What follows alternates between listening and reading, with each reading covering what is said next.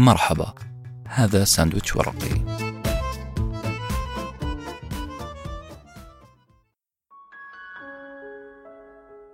خلوني أفترض أنكم سألتوني سؤال. ما هي أعظم صفحة قرأتها في كتاب؟ راح أجاوبكم هي الصفحة تقول في جملة واحدة لا تلعب دور الضحية في سيناريو أنت تصنعه. راح نشرح هذه الجملة بالتفصيل لذلك خليكم معنا. لو يحق لي أسمي هذه الصفحة باسم فراح أسميها بالصحيفة. صحيفة تأمين النفس. تأمين النفس ضد عثرات الزمن. ضد خطر اختلاق الدراما والعيش فيها. صحيفة مربكة للحزن المختلق. صحيفة تشريح مهذب لأصل الدراما في حياتي وحياتك. لأن الدراما كلمة سلبية. كلمة استسهلنا وصف حياتنا بها. ولأن كل من هب ودب فينا يحلف ويقسم إنه عايش دراما. قررت أخذكم مشوار قصير بالسيارة. مشوار ما حيتعدى عشرين دقيقة. أحاول أن أقدم فيها المبررات. ليش سميت الصفحة اللي أنا أتكلم عنها صفحة تأمين النفس؟ لا تستغرب عزيزي المستمع عزيزتي المستمعة. لو سمعتني أكلمك خلال عشرين دقيقة عن مدينة برايتون أو عن ثقافة السكان هيد أو نظرية السكيما في القراءة أو حتى عن معضلة الرجل الأصلع في الفلسفة. كل هذه الشطحات لها علاقة بملف الدراما اللي راح أفتحه معاكم. الملف رقم 2004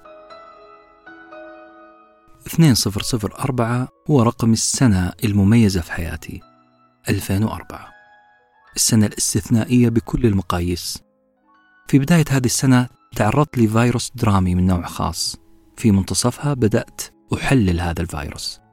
في نهايتها أغلقت ملف الدراما بالضبة والمفتاح. راح أبدأ معكم برحلة في 2004 عشت فيها في مدينة برايتون البريطانية. برايتون المدينة ذات السمعة الغريبة. سكنت لمدة شهر في بيت خشبي من دورين مع عائلة بريطانية. البيت في منطقة على تل هادئ جدا لا تسمع فيه في الليل إلا صراخ الأرضية الخشبية. هذه الأرضية اللي دائما ما كانت تفضحني وأنا طالع ونازل من غرفتي. قضيت شهر كامل بالتمام والكمال. خضت في هذا الشهر تسعين تجربة على الأقل تسعين تجربة جديدة وفريدة في حياتي. منها اختلاطي بمجموعة عباقرة أكاديميين خلال دورة تدريبية في كلية برايتون. منها حوارات عظيمة مع سكان برايتون الأصليين. هؤلاء السكان اللي حكوا لي في هذا الشهر كل ما لذ وطاب عن أطباع وعادات وموضات الشعب البريطاني. حكوا لي عن جراءة الشباب والبنات تحت سن الستة عشر عن نهمهم على السجائر والاستعراض. لكن بيني وبينكم أحلى تجربة لي كانت حلطمة قصيرة مع سيدة بريطانية كبيرة. هذه السيدة اشتكت لي من هوس شباب وشابات مدينة برايتون بالموضة.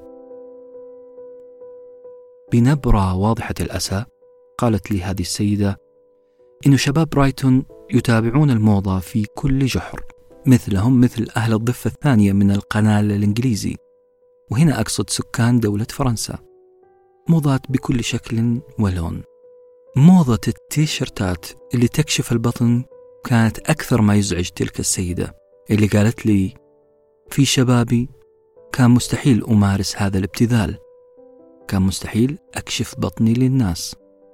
طبعا هذا الحوار كان 2004 لم نكن نعلم لا أنا ولا السيدة المحترمة ماذا استكشف لنا الموضة بعد 2004 حلطمة السيدة العجوز شجعتني أن أسألها عن موضة أخرى لاحظتها في شباب برايتون موضة حلاقة الشعر بالموس. قالت لي أها أنت تقصد موضة السكين هيد. هذه موضة زي أي موضة أخرى تظهر ثم تختفي ثم تعود لكن ما أنصحك تقلدهم. بصراحة استفزني تحذيرها من هذه الموضة. السؤال هنا ليه حذرتني من حلاقة شعري بالموس؟ ليه قاعدة تحذرني من أحلى موضة يحتاجها الرجال في سني؟ فالآن بإمكان أي رجل يعاني من علامات الصلع الكبرى أن يحلق كامل رأسه وينسب ذلك للموضة. صحيح هذا استغلال لكن لا مانع أنك تكون مستغل لموضة زي هذه. أقدر أقسم حياتي لمرحلتين مرحلة ما قبل 2004 وما بعد 2004 قبل 2004 كنت شخص هادئ نوعا ما. كونت صورة ثابتة عن نفسي. شاب شكله ثابت ملامحه واضحة عمله ثابت روتينه ثابت سمة ما قبل 2004 كانت الثبات. لكن بعد 2004 حصل تغيير مفاجئ لهذا الشكل الثابت. بدأت بالأصح إرهاصات تغير. ظهرت قمة ثلجية تخبئ تحتها جبل كامل من التغييرات. بدأت ألاحظ تساقط كثيف في شعري. مو بس تساقط هنالك ثغرات كبيرة في رأسي بدأت تكثر وتتسع. وبدأت أستهلك وقت أطول أمام المرآة محاولا سد هذه الثغرات ثغرات ما أثرت على شكلي فقط بل عملت شكل من أشكال الدراما الفريدة من نوعها دراما أول مرة أعيشها. وعشان لا تستسهل عزيزي المستمع هذا التغيير وعشان تحسي عزيزتي المستمعة أكثر بكلمة دراما لما أقولها لكم راح أسلط بعض السبوتات على هذه الكلمة. دراما كلمة أشبه بالحرباء تتلون بحسب المكان الذي توجد فيه. فلو قلت هذه الكلمة لمتخصص في الأدب الإنجليزي لقال لك دراما يعني مسرح وإذا قلتها لناقد فني راح يقول لك هي عقدة القصة هي حبكة المشاكل هي المشكلة الرئيسية اللي يواجهها البطل في حياته. صناعة الدراما هي صناعة مبهرة بل هي أحلى شيء في الفيلم أو القصة كلما أتقنت صنعتها كلما استمتع جمهورك بقصتك. وبحسب غالبية من شاركوا في استبياننا في تويتر الدراما هي الطرق الأكثر تفضيلا لديهم كمشاهدين وقراء. في النهاية نقول الدراما جميلة طالما هي حبيسة في قصة خيالية نقراها. لكن المشكلة فعلا لو تسللت الدراما كحية رقطاء إلى حياتنا. لو تسللت من دون أن نشعر. وهذا وارد بل وارد جدا. كلمة دراما أصلها لاتيني dramatos. ومعناها الفعل أو الأكشن. الفعل من كلمة دراما بالإنجليزي dramatize ومعناها أن تضيف شعلة أحداث لقصة ما. أنت تضيف بعض المشاكل عشان يتحرك معها المستمع والقارئ. تخيل أنك قاعد تحكي لي قصة باهتة ما فيها أي أحداث رتمها هادي. راح أقول لك بصراحة please dramatize this story. يعني بهر القصة شوية بأحداث قاسية وحزينة. أعطيها شوية أكشن فعلا أنا أنصح الجميع أنه يعملوا دراما في القصص اللي يحكوها للناس. هي ملح القصة هي العصا السحرية اللي تخلي الناس مبهورين بما تحكيه. لكن في نفس الوقت أحذرك. أحذرك عزيزي المستمع عزيزتي المستمعة من أن تصبح الدراما هي وجبتك الحياتية اليومية لأن وصفة تحضيرها سهلة. ملعقة تفكير قسري كوب من التصورات الخاطئة ورشة جريئة من الإيجو شديد المرارة. عزيزتي ربة المنزل عزيزي رب المنزل راح أشرح لكم هذه الوصفة ومكوناتها بالتفاصيل. لكن بعد الفاصل. نرجع ل 2004 أنا كنت راسم صورة معينة لنفسي. صورة بورتري ثابتة. رسمتها وقررت أن هذه الصورة هي أنا. صورة استمديت تفاصيلها من النظر للمرآة من ذاكرتي الدائمة والمؤقتة. هذه الذاكرة المليئة بالمواقف والتجارب اللي مرت علي. مثلا الصورة اللي كنت أشوفها عن نفسي إني شاب في نهاية العشرينات أعمل في مجال التربية خريج أدب إنجليزي مستواي الدراسي متوسط ومستحيل أتكلم سواء بالعربي أو الإنجليزي. قدام مجموعة أشخاص يزيدون عن العشرة. والسبب طبعا لأني فشلت أكثر من مرة في الكلام على الملأ. طفولتي عشتها بالطريقة الفلانية ميولي الرياضية كذا ميولي الفنية كذا. المهم أنا كنت مصور صورة معينة عن نفسي مبنية على تاريخ حياتي هل أنا اخترته؟ هل جاءني غصبا عني؟ تلك هي المسألة إلا أنني كنت ألاحظ شيء مزعج شيء مقلق شوية كلما أردت المحافظة على هذه الصورة هذه الصورة الثابتة عن نفسي كلما وجدت أن الصورة لا تريد أن تبقى ثابتة هي صورة متجددة وتختلف يوما بعد يوم. هذا الشيء بدأت ألاحظه. من ضمن هذه التغييرات اللي عشتها بداية 2004 قبل رحلة برايتون بأشهر. هذه التغييرات كانت تساقط ذكي وماكر ومتدرج لشعر رأسي. ممكن تكون هذه التغييرات بسيطة وغير ذات بال. ممكن تكون قضية سخيفة في نظر معظم الناس اللي أصارحهم بهذا الشيء. لكن بالنسبة لي أنا كان شيء غريب. أنا قاعد أشوف الصورة اللي صنعتها لنفسي تتغير بشكل سريع. أنا الآن شخص مختلف عن الشخص اللي كنته قبل 2004 جولاي 2004 يعني منتصف السنة تقريبا. ذهبت في رحلة تدريبية لبرايتون. ركبت الطائرة وفي ذهني تساؤلات كثيرة عن جدوى هذه الرحلة. في شنطة سفري بعض الفيتامينات والمعادن. فيتامينات للحفاظ على ما تبقى من رأس مالي. وها أنا ذا. بدأت لأول مرة أحمل في حقيبة سفري كيس أدوية. هذا تغيير كبير جدا في حياتي. صحيح أنه كيس أدوية لمشكلة بسيطة تتعلق بالشعر. لكنها مؤشر بداية خريف مبكر. رحلتي لبرايتون جات في وقتها. مو لأني استفدت كثير من محاضر إيرلندي عن أسرار وتكنيكات التدريب. مو لأني سمعت منه ومن أكثر من محاضر جمل أعتبرها موتو في حياتي. موتو يعني شعار للحياة. زي مثلا لما قال لي المحاضر الإيرلندي حاول تعرف شيء عن كل شيء. شرح لي هذه العبارة قائلا أنت لازم تكون واسع الاطلاع. أن تتعرف على مجموعة من المعارف ولو من أطرافها. وقال لي عبارة مهمة جدا. كلما عرفت أكثر عن أسرار الشعوب كلما استطعت أن تخلق لهم schema تجعلهم أكثر اندماجا وارتباطا بموضوع شرحك. خلونا في schema. كلمة كنت أول مرة أسمعها في حياتي. بحثت وقرأت ونقبت عنها في كل مكان وفهمت نسبيا أن ال schema هي المعرفة اللي نكدسها في رؤوسنا من طفولتنا عن كل شيء. هي معرفة متكدسة نجمع فيها معلومات ومعلومات ومعلومات عن كل شيء. نظرية السكيما تقول أنت لست صفحة بيضاء. أنت راسك مليان معلومات مكدسة. هذا التكديس يساعدك أن تفهم أي موضوع حتى لو كان عن فيزياء الكم. كأني بالغت شوية؟ لا أبدا. تخيل أنك ماسك قطعة قراءة أو مقال في جريدة. هذا المقال يتكلم عن فيزياء الكم. قبل ما تقرأ هذه القطعة أنا أراهنك أنك تعرف شوية معلومات عن أينشتاين عن الذرة والنواة والإلكترونات حولها. أنا متأكد أنك قبل قراءتك هذه القطعة سمعت قبل كذا عن النسبية كل واحدة من هذه المعلومات حيتفرع منها معلومات. هذا هو التكديس اللي نتكلم عنه في السكيما. مثلا أينشتاين. أنت عارف أنه عالم ألماني. ألماني الأصل لكنه أمريكي الجنسية.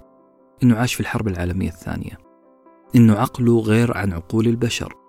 أنه له معادلة شهيرة غيرت وجه الكون. أنه نظريته تم نقضها على يد فيزيائيين جدد. إلى آخره. الشاهد هنا السكيما تقول كل المعرفة المتكدسة اللي نحملها داخل عقولنا عن موضوع ما هي معلومات تحتاجها جدا قبل ما تنطلق في قراءة أي مقالة. مثلا قطعة القراءة اللي في يدك أنت شفت فيها صورة أينشتاين وقرأت كلمة quantum physics في أعلى الصفحة. حتشتغل schema عندك ويبدأ عقلك في اصطياد كل معلوماتك السابقة عن فيزياء الكم وعن أينشتاين حتبدأ تصنع مجموعة آراء وفرضيات. هذه الآراء والفرضيات تبدأ تدور عنها في القطعة فإما تؤكدها وإما تعدلها أو تنفيها. إذا المقال ليس شيئا جديدا تماما عليك بل أنت عنصر فعال متفاعل مع القطاع لأنك تمتلك فرضيات وآراء. تخيلوا كل هذا الشيء عرفته عن إسكيما؟ بسبب كلمة واحدة قالها المحاضر الإيرلندي الجميل. روحة برايتون طلعت علي بفوائد كثيرة على كل الأصعدة.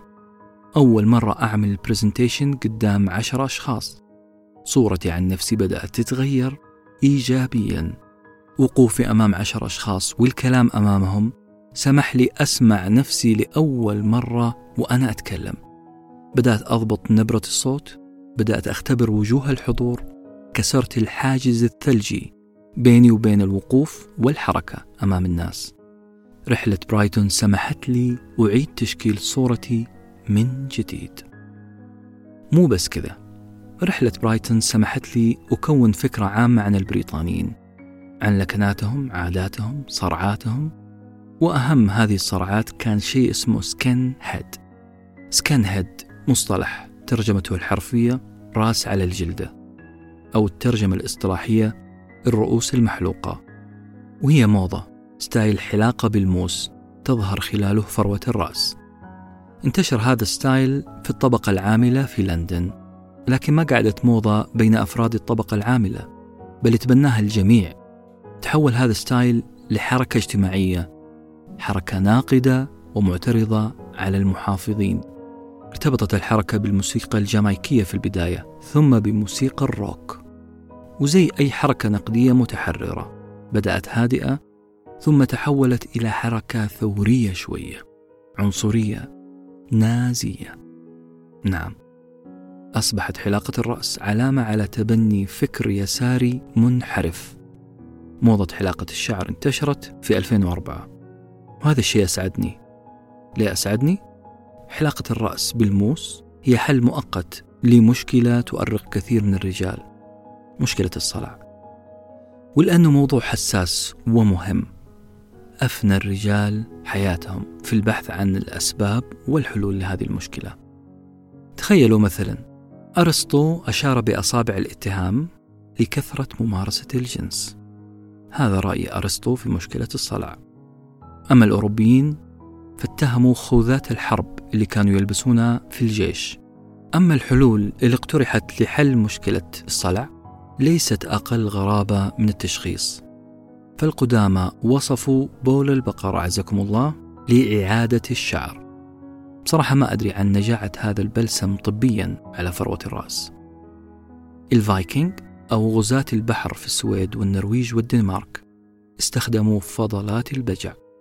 أما اليونانيين فأخذوا فضلات الحمام. الخضوع لمثل هذه المستحضرات ما هو إلا مؤشر على أن الصلع مشكلة تجعل الرجال مستعدين لتجربة أي مستحضر أيا كان مصدره. ويا ليت أي باحث فاضي ينقب في سير المشاهير. زي غاندي، تشرشل، داروين، سقراط، شكسبير. هؤلاء الأعضاء في نادي الصلع يشوفون لنا هل كان الصلع مشكلة مؤرقة لهم أو لا. أنا أعتقد الإجابة نعم. أنا أحد الرجال المؤرقين. صورتي اللي رسمتها لنفسي طوال عمري اللي توقعت أن تبقى خالدة كالموناليزا. هذه الصورة بدأت تتغير وبدأت أعيش دراما من نوع خاص. كلمة دراما هي أسوأ شيء ممكن تعيشون على حسه لأنه باختصار معظم الدراما أو معظم الأحداث السيئة هي بسبب اللاوعي لا تزعلون من كلمة لا وعي الموضوع فعلا كبير ومتعب ومفصل حطوا لي خط تحت الجملة التالية الأحداث السيئة في حياتنا تحدث في اللاوعي. اللاوعي هو عيشك حياة المسلمات. هو عالم من العادات والأحداث المتكررة التي لا تعير لها انتباه. العقل ربي خلقه لمهام كثيرة. أهمها البحث عن المشكلة وحلها. لما يحل العقل هذه المشكلة يخزن الحل ثم يبرمجك على ممارسة هذا الحل مرارا وتكرارا حتصبح الحياة معك آلية أوتوماتيكية ستصبح كل الحياة عندك مسلمات إذا حصل واحد فالحل إني أتصرف بالطريقة ألف وإذا حصل اثنين راح أتصرف بالطريقة باء العقل يحول ممارساتك لعادات عشان يوفر عليك طاقة وجهد ووقت. قيادة السيارة مثلا فيها سبعين ألف شغلة. تشغيل السيارة النظر في المراية إصلاح وضعية الجلوس ربط الحزام النظر للخلف الانتباه للأطفال على طرفي الشارع الدعس على دواسة البنزين. هذا غير مفاجآت الطريق غير لوحات الشارع. الرحلة الواحدة وأنت تقود السيارة اللي مدتها خمس دقائق تحتوي على آلاف السلوكيات والتصرفات. لذلك العقل يخزن معظم هذه الآليات وهذه التصرفات كعادة كبرمجة. أصبحت أنت تمارس هذه العادة باللاوعي وهذا الشيء جيد جدا مريح جدا جدا جدا لنا كبشر. إلى الآن الوضع تمام. لكن أن تبدأ تتصرف بطريقة آلية أوتوماتيكية مبرمجة؟ هنا المشكلة. هنا أساس كل دراما. أنت بدأت تنسى نفسك وتتعامل معها وكأنك مجموعة عادات مبرمجة مخزنة already. أنت لا تستمتع بلذة حصول اللحظة. أنت ما تستمتع بلذة عمل الأكشن ولا لذة ممارسة الأشياء. أنا وأنت نأكل بلا وعي. نجلس مع أصدقائنا بلا وعي.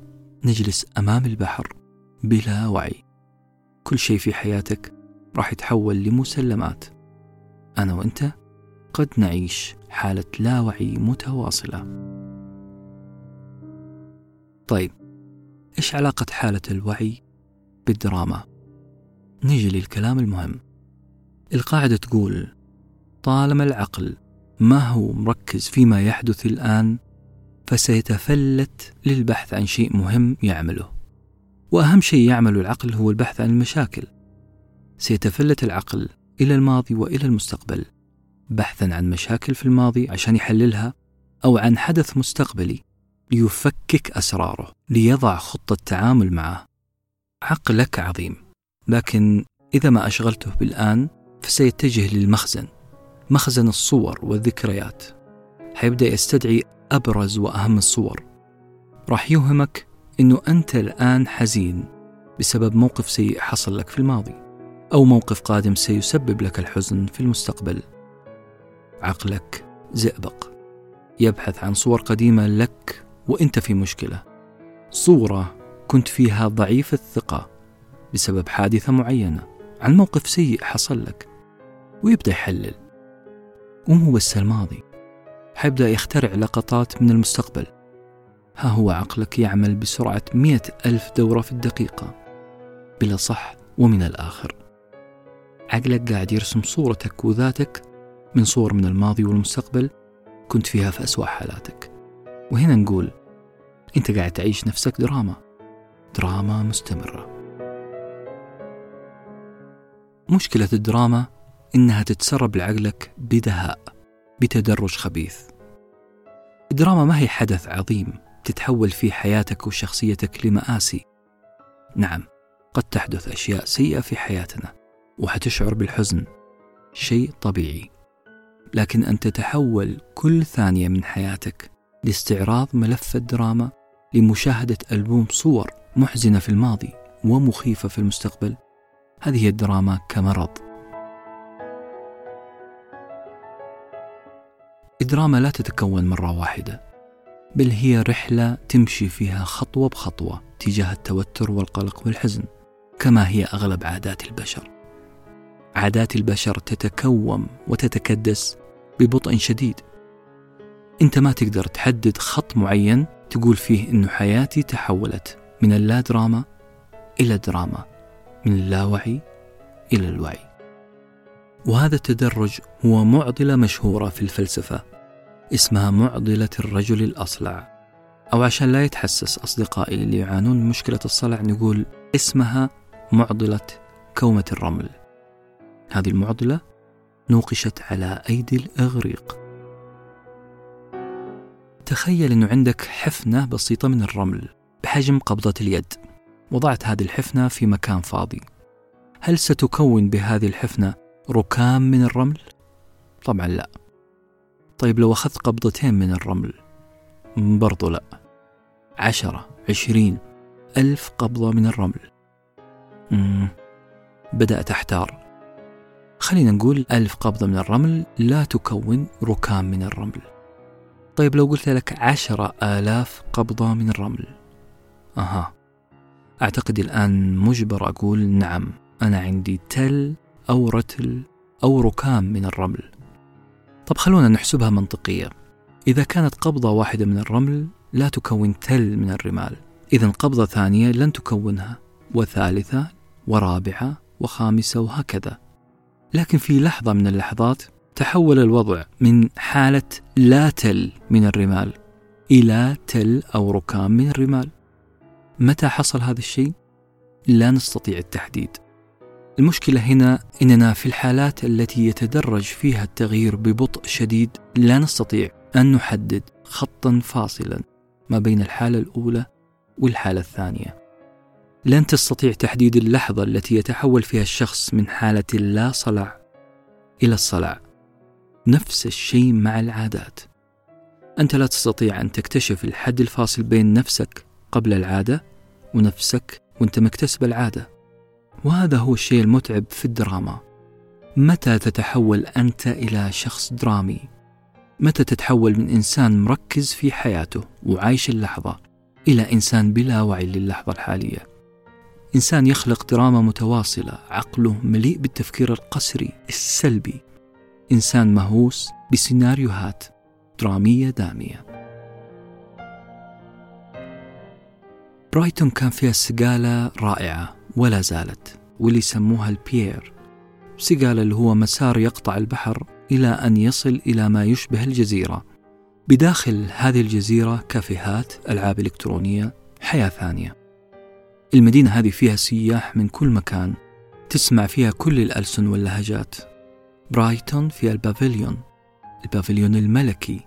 البافيليون هو قصر كان يسكنه أمير ويلز أو اللي صار بعدها ملك بريطانيا جورج الرابع.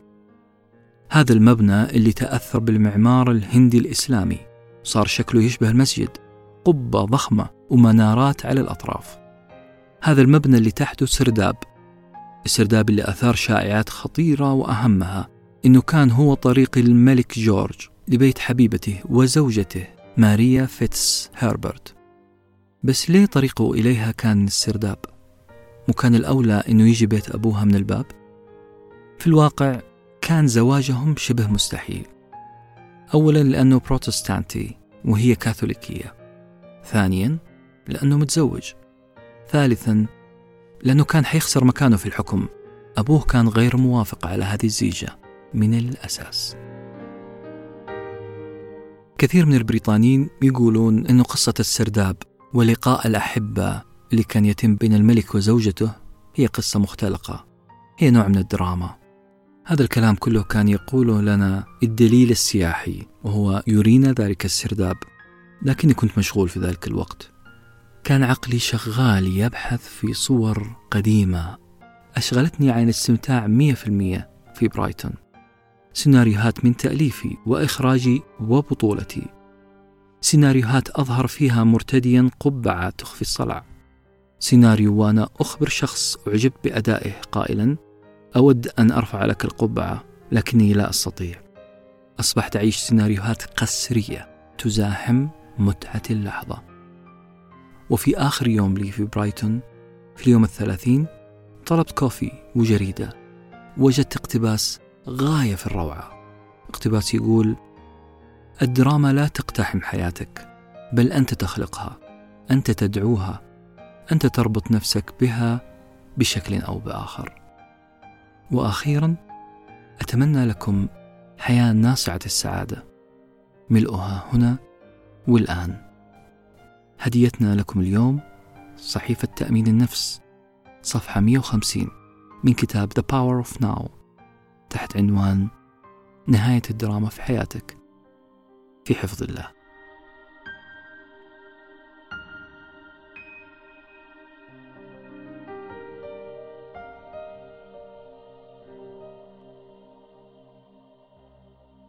كنتم مع ساندويتش ورقي وجبة معرفية نتشارك لذتها.